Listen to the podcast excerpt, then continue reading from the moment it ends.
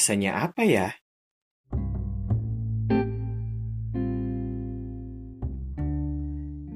Halo teman nikah rasanya. Selamat bertemu kembali di podcast nikah rasanya Yang sekarang udah masuk di episode keempat. Cukup jauh gak episode ketiga. Karena uh, Alhamdulillah Di masa pandemi ini masih dapat beberapa kerjaan Selain itu waktunya habis buat belajar ngurusin anak. Mungkin yang punya anak di usia satu tahunan rasain ya betapa tenaga anak-anak ini gak ada habis-habisnya. Bapaknya tuh udah capek, tapi anaknya masih ngajak main. Saat itulah gimana saya bersyukur punya istri yang kuat ya. The power of mama ini emang nyata loh ternyata belum ngurus suami, ngurus rumah, ngurus anak, dan ngurus persosial mediaan. Karena biasanya insight dan keinginan-keinginan itu muncul juga di sosial media yang gak jarang bikin uh, bisa lebih gampang stres sekali. Apakah itu membandingkan anaknya sama anak lain atau wah yang ini kayaknya harus diikutin deh. Yang ini kayaknya enggak deh malah bikin pusing hal, -hal yang kayak gitulah. Yang membuat the power of mama ini kayaknya uh, perlu uh, banget gitu. Tapi kayak gimana sih sebenarnya the power of mama di zaman sebanyak maunya ini? Langsung aja saya pengen mengundang teman berbagi kita untuk edisi kali ini. Teman lama yang juga seorang mama. Selamat sore Aisyah Nadia. Hai Ais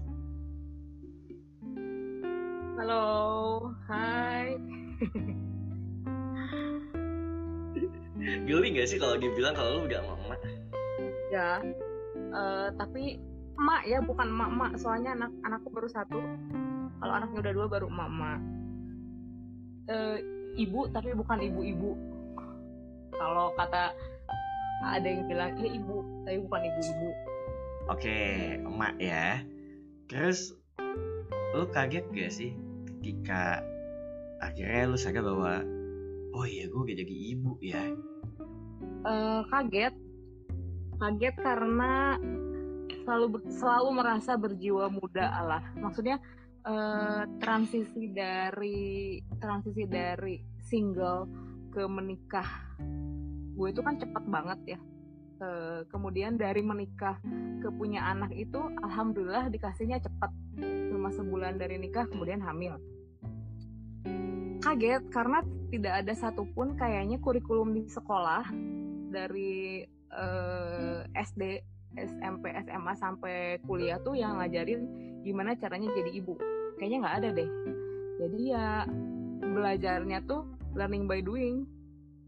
Belajarnya tuh ya ya saat itu juga masih di ibu ya ya saat itu juga belajar gitu.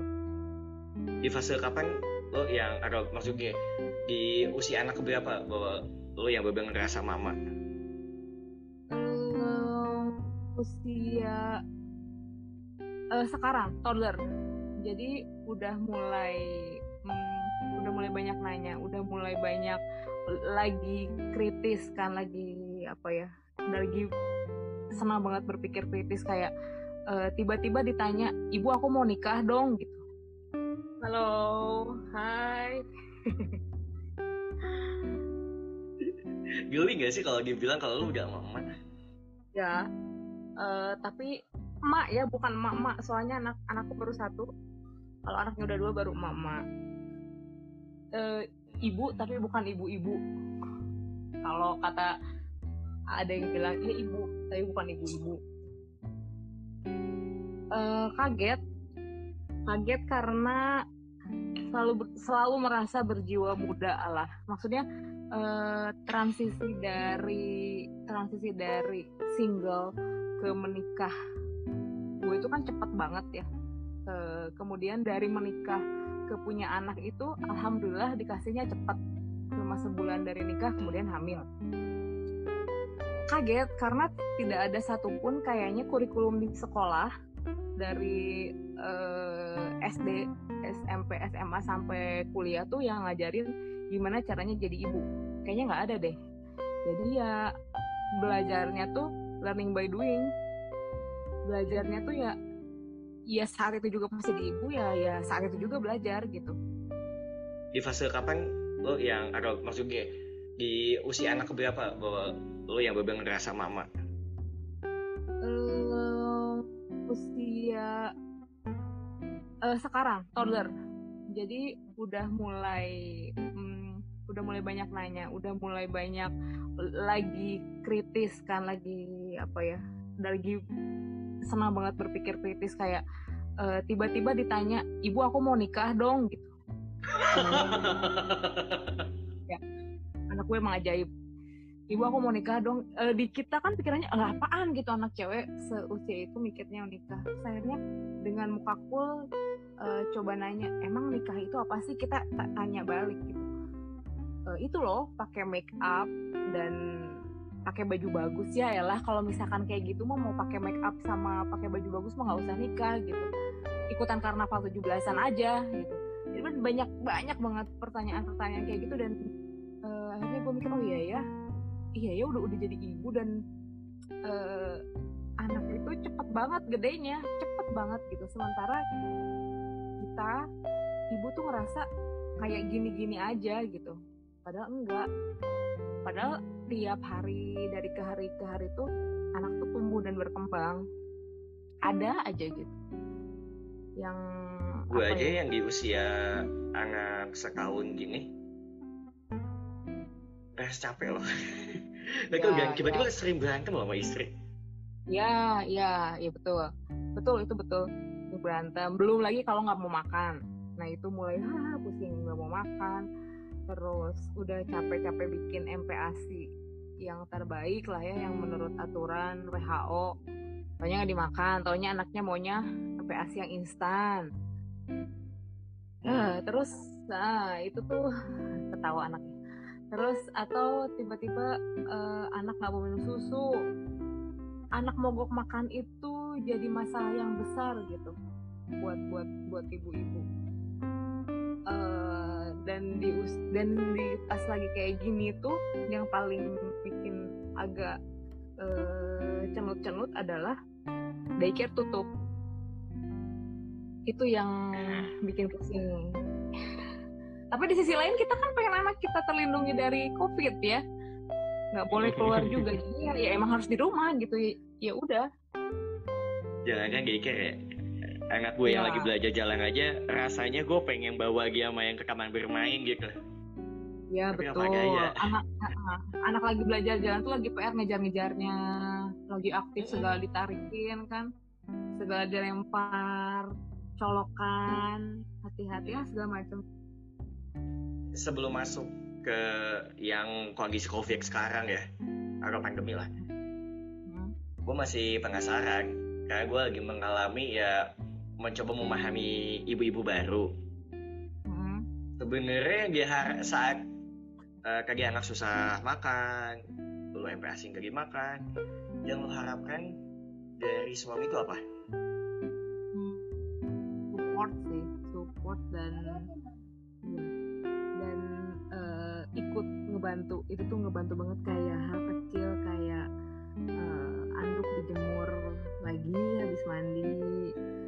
Uh, ya membantu pekerjaan-pekerjaan domestik yang kecil banget gitu. Itu tuh ngebantu banget dan ya uh, support. Jadi kalau misalkan anak nggak nggak dimakan nggak dimakan nih kita misalnya ya contoh kecilnya tadi misalnya uh, GTM ya susah makan supportnya adalah oke okay, bantuin nyuapin misalnya.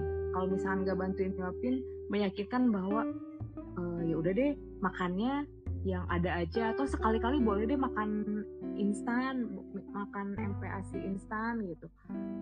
Gitu jadi meyakinkan bahwa semuanya baik-baik aja kok gitu.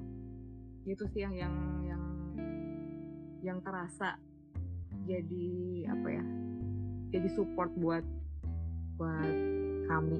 Kami. Cuma suka salah paham sih ibu-ibu tuh. Kita suami membantu tapi mungkin caranya beda beda apa ya? Beda mazhab juga. Nah. masih diberantem ya ya ya ya. Ya itu sih ya. Karena capek ya dan jujur aja menyusui itu capek. Menyusui itu capek bikin MPASI itu capek. Belum lagi pekerjaan domestik yang lain terus apa caranya? Ya kadang ya satu-satunya pelampiasan emosi itu kan jadinya pasangan kan? Kamu tuh nggak ngerti apa yang aku mau. Wah gue paham banget sama kalimat kayak gitu. Ya kamu gue pasti kayak pisah tuh.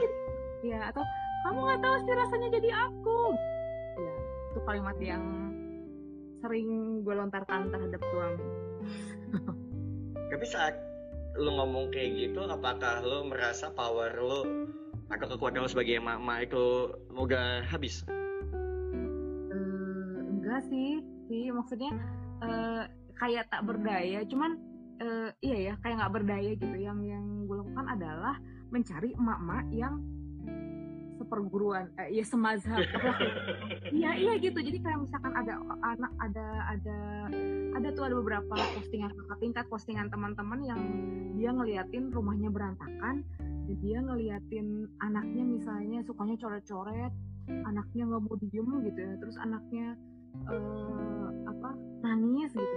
Nah jadi oh ternyata gue ada temen nih gitu. Oh ternyata anak gue tuh nggak aneh loh nggak aneh loh. Dan karena mungkin sekarang eranya uh, sosmed ya ketika kayak ya kalau lu follow mama ambisius tuh yang mama bermain dengan uh, apa teknik Montessori segala bla gitu.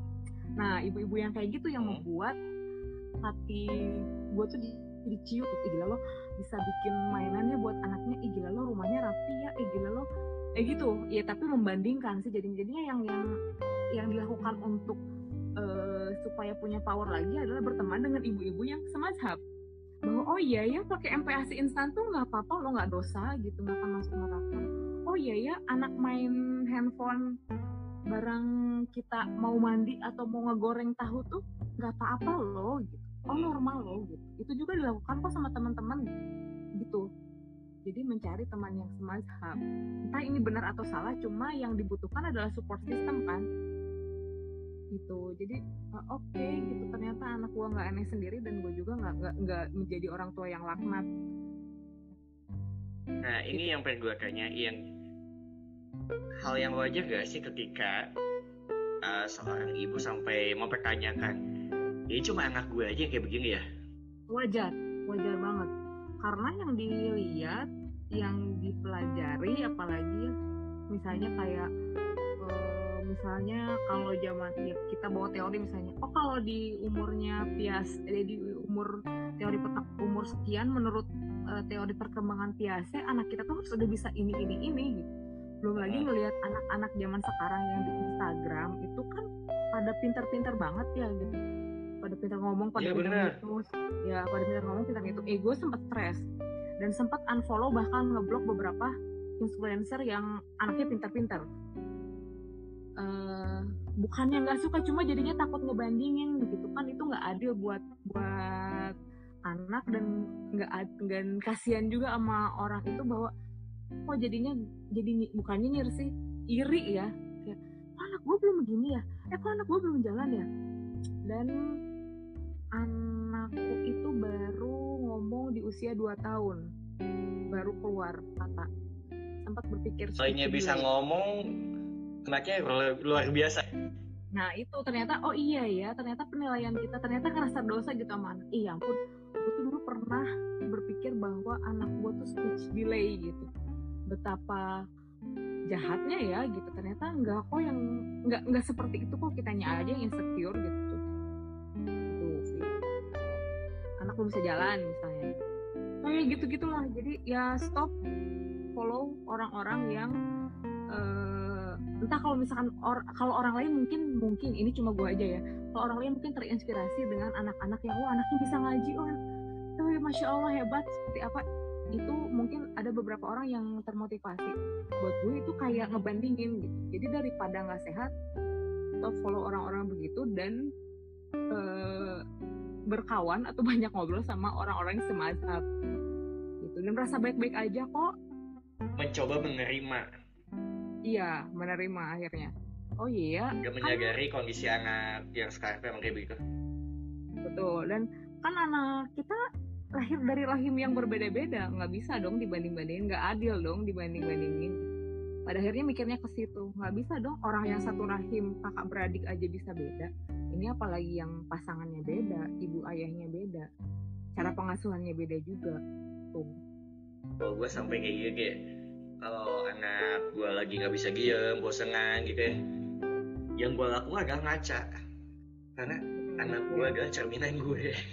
Jadi Ya, oh pasti wajar kalau dia bosenan. Karena ayah juga mau bosenan gitu gitu gue kan beda kalau ibu kan punya standar yang berbeda kayaknya. Ya nggak sih? Dengan suami. Em, sama sih sama. Cuman mungkin karena gini kan anak kita itu bukan pure sendiri aja dari ibu atau sendiri dari ayah. Kan itu bikinnya bareng-bareng ya nggak sih? Oh Maksudnya iya ya pasti. ayah ya ayah nyumbang misalnya ayah nyumbang eh, karakternya ibu nyumbang fisiknya gitu. Jadi ya perpaduan ketika misalkan ada yang aneh dan nggak ada di kita berdua ya mungkin itu ya mungkin itu hal yang dia pelajari di luar mungkin gitu. Kita nggak pernah tahu. Akhirnya yang mencoba menerima sih oh iya ya.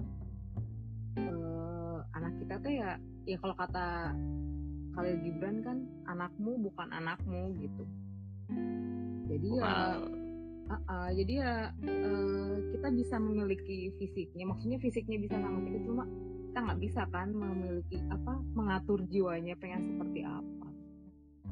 berarti power pertama seorang mama adalah harus bisa menerima diri mengenai kondisi maksud gue Ya menerima eh, dan mener- kalau nggak kalau bisa menerima diri, otomatis bisa menerima anak juga kan. Oh iya karena Hmm. begini, iya gara-gara kayak kayak hal kecil kayak waktu itu gua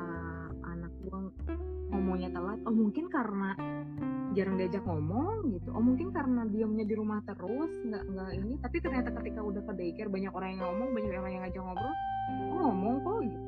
Jadi ya kalau misalkan ya gitu sih anakmu kan nggak pernah salah ya. Kalau ada anak salah mikir dulu deh orang tuanya gitu kitanya.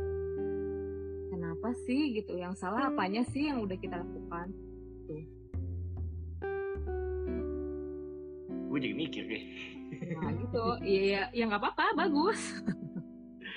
Ya ya ya ini curhatan bapak-bapak dulu guys Hmm. Eh, kenapa sih kalian selalu percaya sama sel eh, sama dokter yang jadi selebgram gitu dan mematok bahwa yang harus diikuti adalah itu. Sementara suami-suami ini dihantam sama ibu ibu bapaknya kok lu harusnya kayak begini kalau ngurus anak gitu. Hmm, ya itu the power of media sih. Karena eh, kan mereka tuh nyari pasar ya. Dan percaya atau enggak deh kalau ibu-ibu apalagi yang ibu lagi hamil atau ibu yang baru punya anak tuh kan ingin memberikan alih-alih ingin memberikan segala sesuatu yang terbaik buat anak.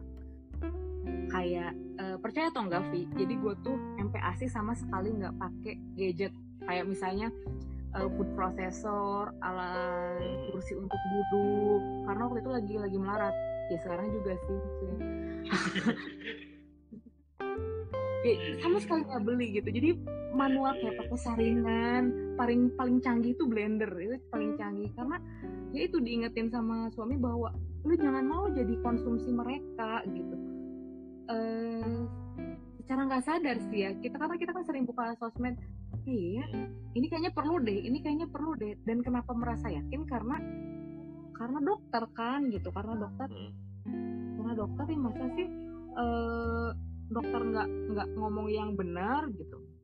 Dan kenapa nggak memilih ketemu dokter yang beneran di rumah sakit? Ya nggak? Kan Betul, itu betul. lebih ya lebih lebih sumber primer gitu kalau misalnya kalau kata penelitian kan bahkan milih dokter aja jadi urusan panjang ya? Ya perkara milih dokter bisa jadi urusan panjang. Perkara milih vaksin bisa jadi urusan panjang. Lagi-lagi ya itu sih mikir kebutuhannya aja dipikir lagi. Itu beneran butuh buat anaknya atau untuk memenuhi eh, ego ibunya? Emang lu nggak ada gitu di fase yang pengen kayak ibu-ibu seusia lo gitu kan yang anaknya pakai brand apa bikin saran dokter siapa gitu. Pengen tapi karena sadar diri uangnya nggak ada. Jadi ya maksudnya realitas ya, kita tidak bisa ibarat gini ibarat kita nggak bisa uh, nari-nari unicorn sama unicorn di atas angkasa. Yang harus kita lihat ternyata kalau di bumi kok kita tuh masih pakai kuda lumping gitu. Hmm. ya itu aja yang yang dipakai itu aja yang pergunakan yang ada gitu. Jadi kembali lagi ke urusan menerima. Ya nah ini yang bikin gue takjub sama nyokap gue juga sih. Maksud gue dia nggak banyak mau gitu. Cuma kan untuk di generasi sekarang kan banyak sekali godaan. Menurut lo gimana cara bisa menerima kayak begitu kebutuhannya beda Vi jadi mendidik anak di di, di generasi kita ya kita yang jadi orang tua sama di generasi ibu bapak kita itu beda. Daya saing juga beda kebutuhannya juga beda. Kalau misalkan orang tua kita dulu nggak banyak mau ya mungkin persaingan kan eh, memang persaingan zaman dulu kan nggak seketat kayak sekarang ya nggak sih? E, kebutuhan yang beda kalau dulu misalnya kalau sekolah e, kalau punya anak ya cukuplah e, sekolahnya di SD negeri gitu. Ya cukuplah yang ada aja gitu seapa adanya. Sekarang kan tuntutannya lain. Sudah memikirkan ingin anak kita kuliahnya ntar di mana ya? Teman-temannya siapa ya? Persaingannya makin ketat ya. Belum lagi per, itu masih persaingannya misalkan di uh, kasihan yang ngomong-ngomong ya jadi anak kita ya kebutuhannya beda. Jelas beda banget. Terus kalau baik lagi ingatkan bahwa didiklah anak di zamannya gitu. Kalau zaman dulu mungkin ya nggak banyak mau nggak banyak ini yang nggak apa-apa gitu. Kalau sekarang kan usahanya harus lebih besar. Membesarkan anak. Gitu. Kalau dulu misalnya kalau anaknya macem-macem pukul aja gitu yeah. orang tua zaman sekarang kan nggak boleh mukul itu akan merusak saraf-saraf yang ada di otak nah, nah, nah, nah, nah gitu. Karena ilmunya berkembang. Karena yang didapatnya lebih banyak. Jadi ya maunya juga banyak ya wajar sih. Nah maksud gue agak lagi kan lu banyak sekali informasi banyak tahu. Tapi lu masih bisa menerima kondisi apa adanya gimana sih prosesnya? Emang lu gak ada gitu konflik sama sekali? Kalau banyak kalau konflik tuh banyak banget. Perihal MPASI beli apa tuh? Food food processor ya. Hmm. atau alat duduk eh, apa kursi kursi makan buat duduk. Jadi uh, prinsip gue adalah kalau makan itu harus duduk. Terus akhirnya mengajukan ke suami pokoknya kita tuh perlu kursi ini buat makan anak. Sementara suami alah kita juga nggak dulu nggak makan kayak gitu tapi bisa makan. Artinya pasangan sih maksudnya ya beli iya, iya, sesuatu iya. yang lo butuhin gitu. Dan kalau misalkan itu uangnya ada ya syukur gitu pada waktu itu alhamdulillahnya ketidakberdayaan kami di finansial itu menyelamatkan gitu Pi. justru nggak nggak jadi beli macam-macam. Justru ya karena seapa adanya itu karena kami pas lagi kekurangan jadi nggak maksain. Ya udah yang ada aja deh gitu gitu toh ternyata anak disuruh duduk aja makannya tetap aja pengen jalan-jalan kan gitu. Iya aja keliling gitu kan. Ini maksudnya ya ya nggak saklek lah gitu. Dan itu banyak banget kalau misalkan beli-beli barang yang akhirnya bukan kebuang nggak dipakai. Kayak toilet training. Lu belum belum masuk tahap itu ya. Tahap toilet training uh toilet training tuh gadgetnya macam-macam mulai dari celana hmm. kemudian uh, po ada kayak bukan pispot apa sih yang tempat duduk? Iya iya. Iya paham paham paham dudukan toilet segala segala macam. Tapi ya, ternyata bisa kok. Kalau zaman dulu kan ya udah sih lepas aja semuanya. Gitu gimana mana lagi ya. Iya dan emang benar karena itu kan naluri ya mengeluarkan kotoran itu membuat anak nggak nyaman gitu. Oh iya kenapa? Karena dia dia dulunya kalau misalkan ini mah e, menurut pendapat gue sih anak dibuat nyaman dengan pampers oh ya udah deh nggak apa-apa deh. Eh, eh di sini nggak apa-apa di sini nggak apa-apa pipis di sini nggak apa-apa. Kalau itu dilepas semuanya pampersnya dilepas dia bakal mikir oh iya ya nggak nyaman ya oh iya ya kotor ya. Cuma yang capek emang orang tuanya. Itu dan itu kan yang kita hindari ya nggak? Karena banyak Hmm. pekerjaan-pekerjaan lain banyak tuntutan-tuntutan lain yang harus dikerjakan. Kalau mau agak capek dikit ya bisa gitu. Tapi ya nggak semua orang mau capek Jadi lu nerima gitu aja. Oh karena kondisi keuangan gua nggak pas, akhirnya lu ya udah.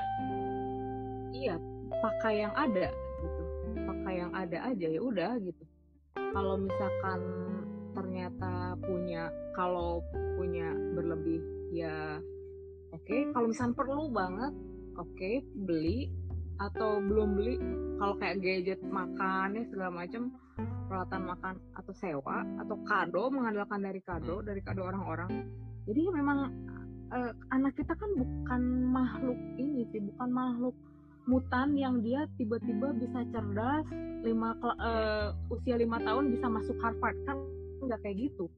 Hmm. Iya nggak sih? Maksudnya ya dididiklah dia secara na- natural gitu. Maksudnya ya dibesarkan dengan natural karena komponen yang terpenting justru menurut gua adalah orang tua bukan Yang? alatnya gitu.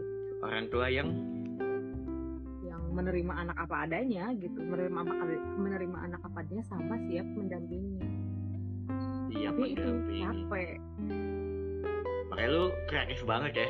Kalau gua perhatiin story di WhatsApp, di Instagram gitu. kreatif gimana Ya kayak mendampingi anak. Maunya anak apa, lu bikinin di rumah gitu semuanya. Selama pandemi ini kan sampai lu bikin camping di rumah. Iya, iya, iya betul. Bikin tenda ya. Apa pun asal padahal gitu. Nah, itu Vi ada ada ada sesuatu yang dikorbankan apa coba? Apa? Eh, keinginan gue adalah melihat rumah beres, rapih, tertata, nggak ada debu, apalagi ya.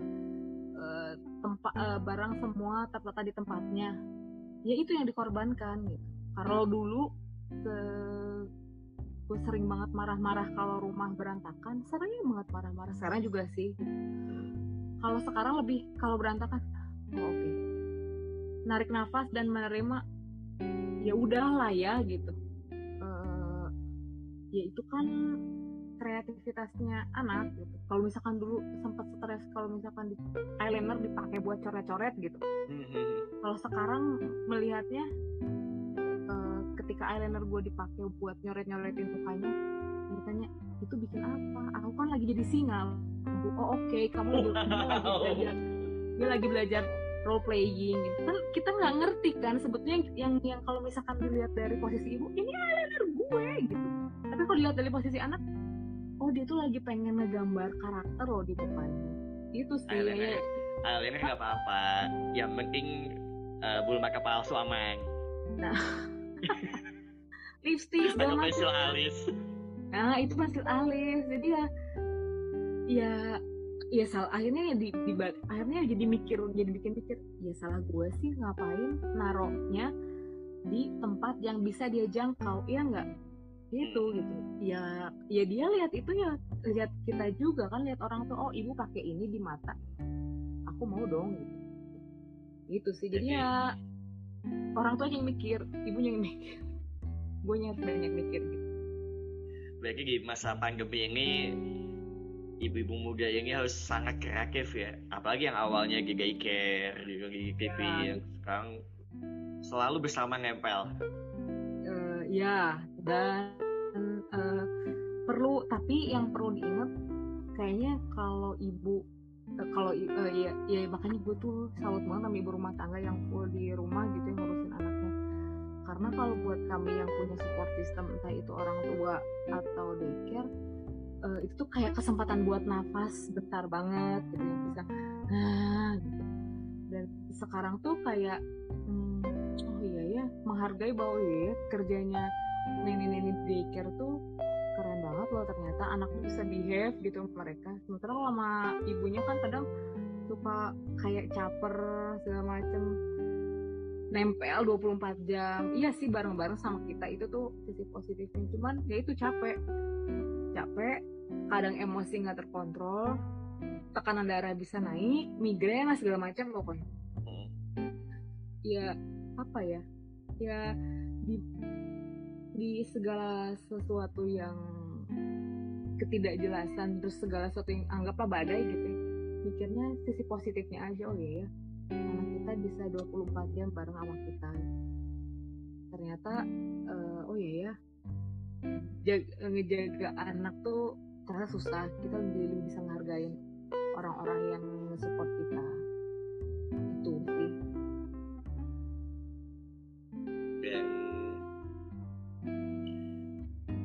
uh, kalau kaki lo bilang support system ya hmm.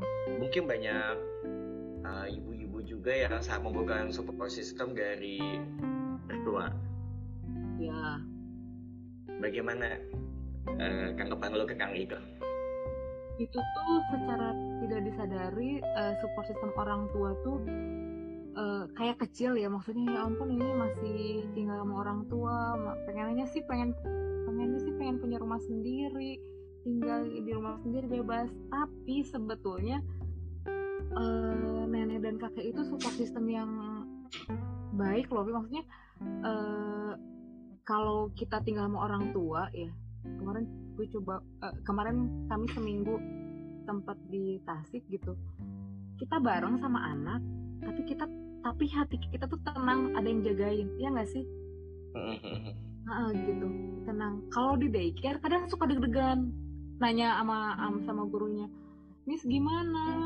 Bawel gitu di WhatsApp. Kalau sama orang tua tuh enggak karena percaya bahwa uh, anak tuh nyaman kok sama kakek neneknya. Dan kalau ada yang masa sih di orang tua tuh udah ngeri udah ngurus kita capek-capek sekarang ngurus cucu lagi.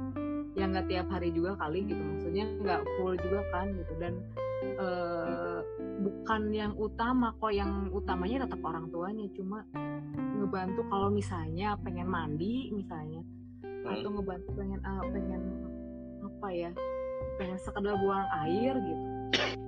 Kakek nenek tuh membantu banget. Tapi nggak full karena ya tetap orang tua yang utamanya. Ada perbedaan nggak sih sama orang tua? Cara lo sama mereka? Banyak banyak banget. Kayak misalnya uh, permen. Masalah permen misalkan kita nggak dibolehin permen hmm. atau es krim yang paling sering. Yeah. kalau kalau kalau kata orang Sunda mah nyah dulang ya kalau aki sama hmm. itu jadi apa aja boleh asal anaknya senang gitu asal anaknya senang. Itu kayak jadi kalau uh, ada kakek sama nenek itu cenderung nurutnya lebih sama kakek neneknya daripada sama ibu bapaknya. Karena uh, kakek neneknya kan baik banget nah itu yang perlu disampaikan bahwa kita harus punya aturan yang sama ya gitu. Kalau enggak ya enggak kalau boleh ya boleh. Itu tantangannya. Apakah mau kakek dan neneknya mengikuti apa yang aturan yang kita buat itu tantangannya negosiasi ya? Nah negosiasi. Awal awal ya kina kagis kan nggak? Ada. Coba dulu kina mana? Sini kina sini. Halo gitu. Halo halo, halo Kina. Main apa aja sama bunda? Main apa aja? Kina main apa aja eh ngomong dong. Main dokteran main kemah-kemahan oh main dokter-dokter sama main kemah-kemahan terus kenapa lagi? Main sepeda nggak? Ya. Iya. Paling sayang sama bunda kalau ngapain bunda? Paling sayang sama ibu kalau ibu apa? Sayang ibu. Sayang ibu. Iya karena oh. apa kenapa? Karena mandi. Karena mandi. Oh, oh. itu nyambung oh karena disuruh mandi gitu. Oh. Aduh. Boleh dong bilang sayang sama ibu. Bilang sayang sama ibu gimana? Sini dulu gimana? Gimana sih bilang? Bilang sayang sama ibu. Sayang. Oh. Bilang sayang sama ibu benar? Iya. Sayang sama ibu apa sayang sama ayah? Sih sayang ibu. Sayang ibu. Sayang ayah juga dong. Hah? iya. Iya. Iya oke Oke Is, pokoknya gua doain keingi kesabaran lo makin uh, penuh ya. Amin. Dan uh, apa? Dan tensinya nggak naik naik ya. habis habis ada ya, tensi naik ya. ya Satu statement terakhir deh buat lo sebagai seorang emak-emak. Apa statement lo? Eh, jadilah ibu yang bahagia. Gitu. Jadilah ibu yang bahagia karena eh, kalau kata mengutip iklan ibu riang anak senang. Asal aja asal jangan jadi mama Rian.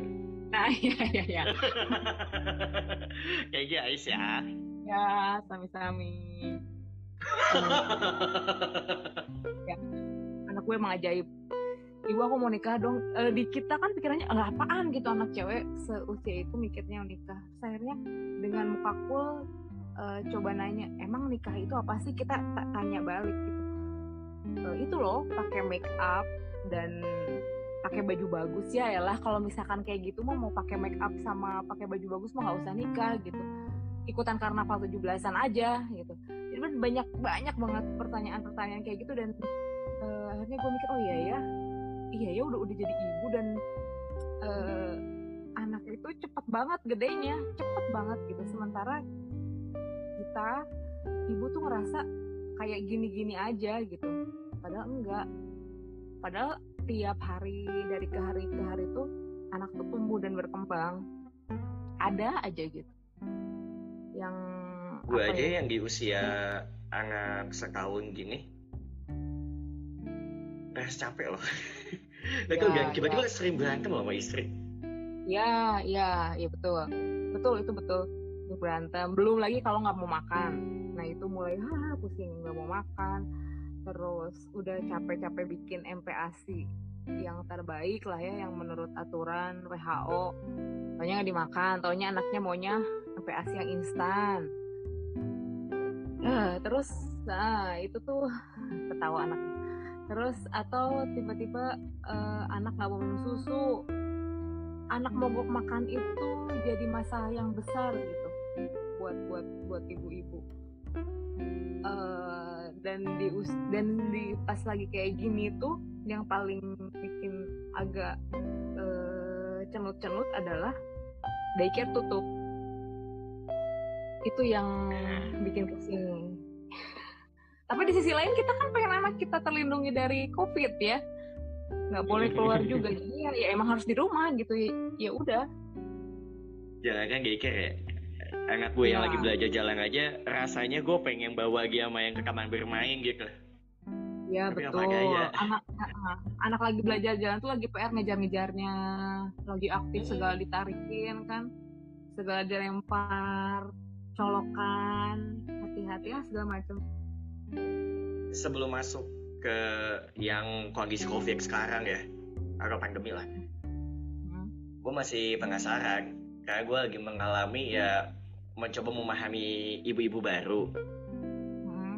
Sebenarnya di saat eh, kayak anak susah makan, lu MPASI nggak dimakan, yang lu harapkan dari suami itu apa? support sih support dan ngebantu itu tuh ngebantu banget kayak hal kecil kayak eh, anduk dijemur lagi habis mandi. Eh, ya membantu pekerjaan-pekerjaan domestik yang kecil banget gitu. Itu tuh ngebantu banget dan ya eh, support. Jadi kalau misalkan anak nggak nggak dimakan nggak dimakan nih kita misalnya ya contoh kecilnya tadi misalnya eh, GTM ya susah makan. Supportnya adalah oke bantuin nyuapin misalnya. Kalau misalnya nggak bantuin nyuapin meyakinkan bahwa eh, ya udah deh makannya yang ada aja. Atau sekali-kali boleh deh makan instan makan MPASI instan gitu. Gitu. Jadi meyakinkan bahwa semuanya baik-baik aja kok gitu. Gitu sih yang yang yang yang terasa jadi apa ya jadi support buat buat kami kami Cuma suka salah paham sih ibu-ibu tuh. Ya kan suami membantu, tapi mungkin caranya beda, beda apa ya? Beda mazhab juga. Ah, Mau jadi berantem. ya ya ya ya ya itu sih ya karena capek ya dan jujur aja menyusui itu capek menyusui itu capek bikin MPASI itu capek belum lagi pekerjaan domestik yang lain terus apa caranya ya kadang ya satu-satunya pelampiasan emosi itu kan jadinya pasangan kan? Kamu tuh nggak ngerti apa yang aku mau. Wah, gue paham banget sama kalimat kayak gitu. ya kamu Gue pasti tidurnya pisah tuh. ya atau kamu nggak tahu sih rasanya jadi aku. Ya itu kalimat yang sering gue lontarkan terhadap suami. Tapi saat lu ngomong kayak gitu, apakah lu merasa power lu atau kekuatan lu sebagai mama itu udah habis? Eh, enggak sih sih maksudnya eh, kayak tak berdaya. Cuman eh, iya ya kayak nggak berdaya gitu. Yang yang gue lakukan adalah mencari emak-emak yang seperguruan eh, ya semazhab. Lah. iya iya gitu. Jadi kayak misalkan ada anak ada ada ada tuh ada beberapa postingan kakak tingkat postingan teman-teman yang dia ngeliatin rumahnya berantakan dia ngeliatin anaknya misalnya sukanya coret-coret anaknya nggak mau diem gitu ya terus anaknya eh, apa nangis gitu. Nah jadi oh ternyata gue ada temen nih gitu. Oh ternyata anak gue tuh nggak aneh loh nggak aneh loh. Dan karena mungkin sekarang eranya eh, sosmed ya ketika kayak ya kalau lu follow mama ambisius tuh yang mama bermain dengan apa teknik Montessori segala bla bla gitu. Nah ibu-ibu yang kayak gitu yang membuat hati gue tuh jadi ciut gitu gila lo bisa bikin mainannya buat anaknya ih gila lo rumahnya rapi ya ih gila lo. Eh gitu. Ya tapi membandingkan sih jadi jadinya yang yang yang dilakukan untuk eh, supaya punya power lagi adalah berteman dengan ibu-ibu yang semazhab bahwa oh iya ya pakai MPASI instan tuh nggak apa-apa lo nggak dosa gitu nggak akan masuk neraka oh iya ya anak main handphone barang kita mau mandi atau mau ngegoreng tahu tuh nggak apa-apa loh gitu. oh normal loh gitu. itu juga dilakukan kok sama teman-teman gitu jadi mencari teman yang semazhab entah ini benar atau salah cuma yang dibutuhkan adalah support system kan gitu jadi uh, oke gitu ternyata anak gua nggak aneh sendiri dan gua juga nggak nggak menjadi orang tua yang laknat Nah, ini yang pengen gue tanyain. Hal yang wajar gak sih ketika uh, seorang ibu sampai mempertanyakan, ini cuma anak gue aja yang kayak begini ya? wajar wajar banget karena yang dilihat yang dipelajari apalagi ya, misalnya kayak eh, misalnya kalau zaman ya kita bawa teori misalnya oh kalau di umurnya pias eh, di umur teori umur sekian menurut eh, teori perkembangan piase anak kita tuh harus udah bisa ini ini ini gitu belum lagi ngelihat anak-anak zaman sekarang yang di Instagram itu kan pada pinter-pinter banget ya gitu. Pada pinter ngomong pada Iya, pinter ngitung ya pada pinter ngomong pinter ngitung eh gue sempet stres. Dan sempat unfollow bahkan ngeblok beberapa influencer yang anaknya pinter-pinter. Eh, bukannya nggak suka cuma jadinya takut ngebandingin gitu kan. Itu nggak adil buat buat anak dan nggak dan kasihan juga sama orang itu bahwa kok jadinya jadi ny- bukannya nyir sih iri ya. Kayak "Kok anak gue belum begini ya? Eh, kok anak gue belum jalan ya? Dan anakku itu baru ngomong di usia 2 tahun. Baru keluar kata. Sempat berpikir suci bisa ngomong, anaknya luar, luar biasa. Nah itu ternyata oh iya ya ternyata penilaian kita ternyata ngerasa dosa gitu sama anak. Iya ampun, gue tuh dulu pernah berpikir bahwa anak gue tuh speech delay gitu. Betapa jahatnya ya gitu. Ternyata enggak kok yang enggak enggak seperti itu kok kitanya aja yang insecure gitu. Tuh sih. Anak belum bisa jalan misalnya. Kayak gitu gitulah. Jadi ya stop follow orang-orang yang eh, entah kalau misalkan or- kalau orang lain mungkin mungkin ini cuma gua aja ya kalau orang lain mungkin terinspirasi dengan anak-anak yang wah anaknya bisa ngaji oh oh ya masya allah hebat seperti apa itu mungkin ada beberapa orang yang termotivasi. Buat gue itu kayak ngebandingin gitu. Jadi daripada nggak sehat stop follow orang-orang begitu dan eh, berkawan atau banyak ngobrol sama orang-orang yang semazhab gitu. Dan merasa baik-baik aja kok. Mencoba menerima, iya menerima akhirnya. Oh iya. Gak menyadari kondisi anak yang sekarang memang kayak begitu. Betul. Dan kan anak kita lahir dari rahim yang berbeda-beda, nggak bisa dong dibanding-bandingin, nggak adil dong dibanding-bandingin. pada akhirnya mikirnya ke situ. Nggak bisa dong orang yang satu rahim kakak beradik aja bisa beda. Ini apalagi yang pasangannya beda ibu ayahnya beda. Cara pengasuhannya beda juga. Tuh. Kalau gue sampai kayak gitu kayak kalau anak gue lagi nggak bisa diem bosengan gitu ya. Yang gue lakukan adalah ngaca. Karena anak gue adalah cerminan gue jadi Ya, betul. oh pasti wajar kalau dia bosenan karena ayah juga emang bosenan gitu gitu gue kan beda kalau ibu kan punya standar yang berbeda kayaknya. Ya nggak sih? Dengan suami. Em, sama sih sama. Cuman mungkin karena gini kan anak kita itu bukan pure sendiri aja dari ibu atau sendiri dari ayah. Kan itu bikinnya bareng-bareng ya nggak sih oh Maksudnya iya ya pasti. ayah ya, ayah nyumbang misalnya ayah nyumbang eh, karakternya ibu nyumbang fisiknya gitu. Jadi ya perpaduan ketika misalkan ada yang aneh dan nggak ada di kita berdua ya mungkin itu ya mungkin itu hal yang dia pelajari di luar mungkin gitu. Kita nggak pernah tahu. Akhirnya yang mencoba menerima sih oh iya. Ya Eh, anak kita tuh ya ya kalau kata Khalil Gibran kan anakmu bukan anakmu gitu. Jadi ya wow.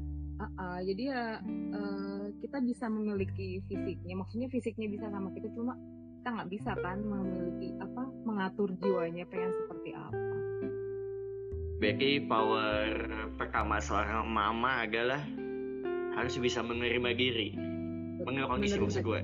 Ya menerima eh, dan mener- kalau nggak kalau bisa menerima diri, otomatis bisa menerima anak juga kan. Oh iya karena Hmm. gini, iya gara-gara kayak kayak hal kecil kayak waktu itu ah, anak gua ngomongnya telat. Oh mungkin karena jarang diajak ngomong gitu. Oh mungkin karena diamnya di rumah terus nggak nggak ini. Tapi ternyata ketika udah ke daycare banyak orang yang ngomong banyak orang yang ngajak ngobrol oh ngomong kok? Gitu. Jadi ya kalau misalkan ya gitu sih anakmu kan nggak pernah salah ya. Kalau ada anak salah mikir dulu deh orang tuanya gitu kitanya. Kenapa sih gitu? Yang salah apanya sih yang udah kita lakukan? Gue jadi mikir deh. nah gitu. Iya ya ya nggak apa-apa bagus. Ya, ya. ya, ini curhatan bapak-bapak dulu guys. Hmm. Eh, kenapa sih kalian selalu percaya sama sel, eh, sama dokter yang jadi selebgram gitu? Dan mematok bahwa yang harus diikutin adalah itu. Sementara suami-suami ini dihantam sama ibu ibu bapaknya kok lu harusnya kayak begini kalau ngurus anak gitu. Hmm, ya itu the power of media sih. Karena eh, kan mereka tuh nyari pasar ya. Dan percaya atau enggak deh kalau ibu-ibu apalagi yang ibu lagi hamil atau ibu yang baru punya anak tuh kan ingin memberikan alih-alih ingin memberikan segala sesuatu yang terbaik buat anak. Kayak eh, percaya atau enggak Vi jadi gue tuh MPASI sama sekali nggak pakai gadget. Kayak misalnya eh, food processor ala kursi untuk duduk karena waktu itu lagi lagi melarat. Ya sekarang juga sih maksudnya ya. Sama sekali nggak beli gitu. Jadi manual kayak pakai saringan paling paling canggih itu blender itu paling canggih. Karena ya itu diingetin sama suami bahwa lu jangan mau jadi konsumsi mereka gitu. Eh secara nggak sadar sih ya kita karena kita kan sering buka sosmed iya ini kayaknya perlu deh ini kayaknya perlu deh. Dan kenapa merasa yakin? Karena karena dokter kan gitu. Karena dokter karena dokter yang masa sih eh, dokter nggak nggak ngomong yang benar gitu dan kenapa nggak memilih ketemu dokter yang beneran di rumah sakit? Ya nggak? Kan itu lebih ya lebih lebih sumber primer gitu kalau misalnya kalau kata penelitian mah. bahkan milih dokter aja jadi urusan panjang ya. Ya perkara milih dokter bisa jadi urusan panjang. Perkara milih vaksin bisa jadi urusan panjang. Lagi-lagi ya itu sih mikir kebutuhannya aja dipikir lagi itu beneran butuh buat anaknya atau untuk memenuhi eh, ego ibunya? Emang lu nggak ada gitu di fase yang pengen kayak ibu-ibu seusia lo gitu kan yang anaknya pakai brand apa bikin saran dokter siapa gitu. Pengen tapi karena sadar diri uangnya nggak ada. Iya maksudnya it- realitas ya kita tidak bisa ibarat gini ibarat kita nggak bisa eh, nari-nari unicorn sama unicorn di atas angkasa yang harus kita lihat ternyata kalau di bumi oh kita tuh masih pakai kuda lumping gitu Hmm. ya itu aja yang yang dipakai itu aja yang pergunakan yang ada gitu Jadi kembali lagi ke urusan menerima. ya Nah, ini yang bikin gue takjub sama nyokap gue juga sih. Maksud gue, dia nggak banyak mau gitu. Cuma kan untuk di generasi sekarang kan banyak sekali godaan. Hmm. Menurut lo, gimana cara bisa menerima kayak begitu? kebetulannya beda fit jadi mendidik anak di eh, di, ge- di generasi kita ya kita yang jadi orang tua sama di generasi ibu bapak kita itu beda daya saing juga beda kebutuhannya juga beda kalau misalkan orang tua kita dulu nggak banyak mau ya mungkin persaingan kan eh, memang persaingan zaman dulu kan nggak seketat kayak sekarang ya nggak sih Eh, kebutuhannya yang beda kalau dulu misalnya kalau sekolah eh, kalau punya anak ya cukuplah eh, sekolahnya di SD negeri gitu. Ya cukuplah yang ada aja gitu seapa adanya. Sekarang kan tuntutannya lain. Sudah memikirkan izin anak kita kuliahnya ntar gimana ya? Teman-temannya siapa ya? Persaingannya makin ketat ya. Belum lagi per- itu masih persaingannya misalkan di eh, kasihan yang ngomong-ngomong ya jadi anak generasi kita ya. Kita. ya kebutuhannya beda jelas beda banget. Terus kalau baik lagi ingatkan bahwa didiklah anak di zamannya gitu. Kalau di zaman dulu mungkin ya nggak banyak mau nggak banyak ini ya nggak apa-apa gitu. Kalau sekarang kan usahanya harus lebih besar membesarkan anak. Gitu. kalau dulu misalnya kalau anaknya macem-macem pukul aja gitu. Kalau Iya. orang tua zaman sekarang kan nggak boleh mukul itu akan merusak saraf-saraf yang ada di otak nah, nah, nah, nah, nah, gitu karena ilmunya berkembang. Karena yang didapatnya lebih banyak. Jadi ya maunya juga banyak ya wajar sih. Nah maksud gue agak lagi nih Kan lu banyak sekali informasi, banyak tahu. Tapi lu masih bisa menerima kondisi apa adanya. Gimana sih prosesnya? Emang lu gak ada gitu konflik sama sekali? kalau banyak kalau konflik tuh banyak banget. Perihal MPASI beli apa tuh? Food food processor ya. Hmm. atau alat duduk eh, apa kursi kursi makan buat duduk. Jadi eh, prinsip gue adalah kalau makan itu harus duduk. Terus akhirnya mengajukan ke suami pokoknya kita tuh perlu kursi ini buat makan anak. Sementara suami alah kita juga nggak dulu nggak makan kayak gitu tapi bisa makan. Artinya pasangan sih maksudnya ya beli Iya, iya, sesuatu iya. yang lo butuhin gitu. Dan kalau misalkan itu uangnya ada ya syukur gitu. Pada waktu itu alhamdulillahnya ketidakberdayaan kami di finansial itu menyelamatkan gitu Pi. justru nggak nggak jadi beli macam-macam justru ya karena seapa adanya itu ya karena kami pas lagi kekurangan jadi nggak maksain. Ya udah yang ada aja deh gitu. Gitu. Toh ternyata anak disuruh duduk aja makannya tetap aja pengen jalan-jalan kan gitu. Iya aja keliling gitu kan. Ini maksudnya ya ya nggak saklek lah gitu. Dan ya itu banyak banget kalau misalkan beli-beli barang yang akhirnya bukan kebuang nggak dipakai. Kayak toilet training. Lu belum belum masuk tahap itu ya.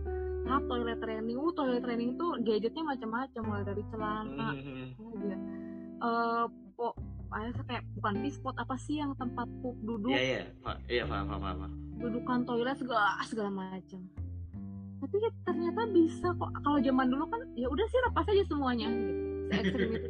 Dan Gimana mana lagi ya? iya dan emang benar karena itu kan nal- naluri ya mengeluarkan kotoran itu membuat anak nggak nyaman gitu. Oh iya ya kenapa? Karena dia dia dulunya kalau misalkan ini mah eh, menurut pendapat gue sih anak dibuat nyaman dengan pampers gitu. Oh ya udah deh nggak apa-apa deh. Eh, eh, di sini nggak apa-apa di sini nggak apa-apa pipis di sini nggak apa-apa. Kalau itu dilepas semuanya pampersnya dilepas dia bakal mikir oh iya ya nggak nyaman ya oh iya ya kotor ya. Cuma yang capek emang orang tuanya itu. Dan itu kan yang kita hindari ya nggak? Karena banyak pekerjaan-pekerjaan lain banyak tuntutan-tuntutan lain yang harus dikerjakan. Kalau mau agak capek dikit ya bisa gitu. Tapi ya nggak semua orang mau capek. Jadi lu nerima gitu aja oh, karena kondisi keuangan gua nggak pas akhirnya lu ya udah iya pakai yang ada gitu. Pakai yang ada aja ya udah gitu. Kalau misalkan ternyata punya kalau punya berlebih ya oke. Kalau misalkan perlu banget oke beli. Atau belum beli kalau kayak gadget makan ya segala macam peralatan makan atau sewa atau kado mengandalkan dari kado dari kado orang-orang. Jadi memang eh, anak kita kan bukan makhluk ini sih bukan makhluk mutan yang dia tiba-tiba bisa cerdas lima eh, usia lima tahun bisa masuk Harvard. Kan nggak kayak gitu. Mhm. Iya nggak sih? Maksudnya ya dididiklah dia secara na- natural gitu. Maksudnya ya dibesarkan dengan natural karena komponen yang terpenting justru menurut gua adalah orang tua. Bukan Yang? alatnya gitu. orang tua yang? Yang menerima anak apa adanya gitu. Menerima apa menerima anak apa adanya sama siap mendampingi tapi itu mendampingi capek makanya lu kreatif banget ya kalau gua perhatiin story di WhatsApp di Instagram gitu kreatif gimana ya kayak mendampingi anak maunya anak apa lu bikinin di rumah gitu semuanya selama pandemi ini kan sampai lu bikin camping di rumah Iya, iya, iya betul. Bikin tenda ya. Apa pun asal padahal gitu. Nah, itu Vi ada ada ada sesuatu yang dikorbankan apa coba? Eh, keinginan gue adalah melihat rumah beres, rapih, tertata, nggak ada debu, apalagi ya. Eh, tempat eh, barang semua tertata di tempatnya. Ya itu yang dikorbankan. Kalau dulu ke gue sering banget marah-marah kalau rumah berantakan sering banget marah-marah sekarang juga sih gitu. kalau sekarang lebih kalau berantakan oh, oke narik nafas dan menerima ya udahlah ya gitu ya itu kan kreativitasnya anak. Gitu. kalau misalkan dulu sempat stres kalau misalkan di eyeliner dipakai buat coret-coret gitu. Mhm. kalau sekarang melihatnya eh, ketika eyeliner gue dipakai buat nyoret-nyoretin mukanya mukanya itu bikin apa? Aku kan lagi jadi singa oh oke kamu lagi, dia lagi belajar dia lagi belajar role playing. Gitu. Kan kita nggak ngerti kan sebetulnya yang yang kalau misalkan dilihat dari posisi ibu ini eyeliner gue gitu dilihat dari posisi anak oh dia tuh lagi pengen ngegambar karakter loh di mukanya. Itu sih. Eyeliner eyeliner nggak apa-apa. Yang penting uh, bulu mata palsu aman lipstick segala atau macam pensil alis. Nah itu masih alis. Jadi ya ya ya salah akhirnya ya di, di akhirnya jadi mikir jadi bikin mikir ya salah gue sih ngapain naroknya di tempat yang bisa dia jangkau. Ya enggak itu gitu. Ya ya dia lihat itu ya lihat kita juga kan lihat orang tuh oh ibu pakai ini di mata. Aku mau dong. Gitu gitu sih. Jadi ya orang tua yang mikir ibunya yang mikir. Gue banyak mikir gitu. Berarti di masa pandemi ini ibu-ibu muda ini harus sangat kreatif ya. Apalagi yang awalnya di daycare di TV Ya. yang sekarang selalu bersama nempel. Eh, ya dan eh, perlu tapi yang perlu diingat kayaknya kalau ibu eh, kalau eh, ya, ya makanya gue tuh salut banget sama ibu rumah tangga yang full di rumah gitu yang ngurusin anaknya. Karena kalau buat kami yang punya support system entah itu orang tua atau daycare eh, itu kayak kesempatan buat nafas bentar banget gitu yang bisa nah gitu. Dan sekarang tuh kayak hmm, oh iya ya menghargai bahwa iya ya kerjanya nenek-nenek daycare tuh keren banget loh ternyata anak tuh bisa behave gitu mereka. Sementara sama ibunya kan kadang suka kayak caper segala macem. Nempel 24 jam. Iya sih bareng-bareng sama kita itu tuh sisi positifnya. Cuman ya itu capek. Capek kadang emosi nggak terkontrol tekanan darah bisa naik migrain segala macam pokoknya. Ya apa ya? Ya di segala sesuatu yang ketidakjelasan terus segala sesuatu yang anggaplah badai gitu ya, mikirnya sisi positifnya aja oh iya ya anak kita bisa 24 jam bareng sama kita. Ternyata eh, oh iya ya jaga, ngejaga anak tuh ternyata susah. Kita jadi bisa menghargai orang-orang yang support kita. Itu sih. Dan eh, kalau tadi lo bilang support system ya. Hmm. mungkin banyak eh, ibu-ibu juga yang sangat membutuhkan support system dari mertua ya. Bagaimana eh, tanggapan lo ke Kang Iko? itu tuh secara tidak disadari eh, support system orang tua tuh eh, kayak kecil ya. Maksudnya ya ampun ini masih tinggal sama orang tua. Pengennya sih pengen pengennya sih pengen punya rumah sendiri tinggal di rumah sendiri bebas. Tapi sebetulnya eh, nenek dan kakek itu support system yang baik loh. Maksudnya eh, kalau kita tinggal sama orang tua ya kemarin gue coba eh, kemarin kami seminggu tempat di Tasik gitu. Kita bareng sama anak tapi kita tapi hati kita tuh tenang ada yang jagain. Ya nggak sih? Heeh, gitu tenang. Kalau di daycare kadang suka deg-degan. Nanya sama am- sama gurunya Miss gimana? Bawel gitu di WhatsApp. Kalau sama orang tua tuh enggak karena percaya bahwa eh, anak tuh nyaman kok sama kakek neneknya gitu. Dan kalau ada yang masa sih di orang tua tuh udah udah ngurus kita capek-capek sekarang ngurus cucu lagi? Yang nggak tiap hari juga kali gitu. Maksudnya nggak full juga kan gitu. Dan eh, bukan yang utama kok yang utamanya tetap orang tuanya. Cuma ngebantu kalau misalnya pengen mandi misalnya. Atau ngebantu pengen eh, pengen apa ya pengen sekedar buang air gitu. Kakek nenek tuh membantu banget. Tapi nggak full. Karena ya tetap orang tua yang utamanya. Ada perbedaan gak sih sama orang tua? Cara lo sama Banyak. mereka? banyak banyak banget kayak misalnya eh, permen masalah permen misalkan kita nggak dibolehin permen atau es krim yang paling sering Iya. kalau kalau kalau kata orang Sunda mah nyaah dulang ya kalau aki sama Mm. ini itu jadi apa aja boleh asal anaknya senang gitu asal anaknya senang itu kayak jadi kalau kakek sama itu cenderung nurutnya lebih sama kakek neneknya daripada sama ibu bapaknya. Karena eh, kakek neneknya kan baik banget gitu. nah itu yang perlu disampaikan bahwa kita harus punya aturan yang sama ya gitu. Kalau enggak ya enggak kalau boleh ya boleh. Itu tantangan. Apakah mau kakek dan neneknya mengikuti apa yang aturan yang kita buat? Itu tantangannya. Negosiasi ya. Nah negosiasi Awal. Ya, Kinan lagi suka nggak? ada Coba dong Kinan mana? sini sini Kinan, sini halo gitu halo halo Halo. Kinan. Halo. Main apa aja sama Bunda? main apa aja Kinan main apa aja eh ngomong dong. Main dokteran main kemak-kemakan oh main dokter-dokter sama main kamar-kamaran terus kenapa lagi? Main sepeda nggak? Ya iya. Paling sayang sama Bunda kalau ngapain Bunda? kan sayang sama ibu kalau ibu apa? Sayang. Sayang ibu. Iya karena apa? Oh. kenapa? Karena mandi. Karena mandi. Oh, oh. nyambung oh karena disuruh mandi gitu. Oh. Aduh. Boleh dong bilang sayang sama ibu. bilang sayang sama ibu gimana? Sini dulu. Gimana? Gimana sih bilang? Kinan sayang sama ibu. Sayang.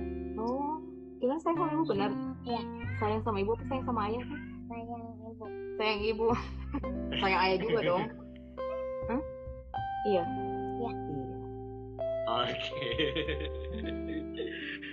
Oke Is, pokoknya gua doain keinki kesabaran lo makin eh, penuh ya amin dan eh, apa?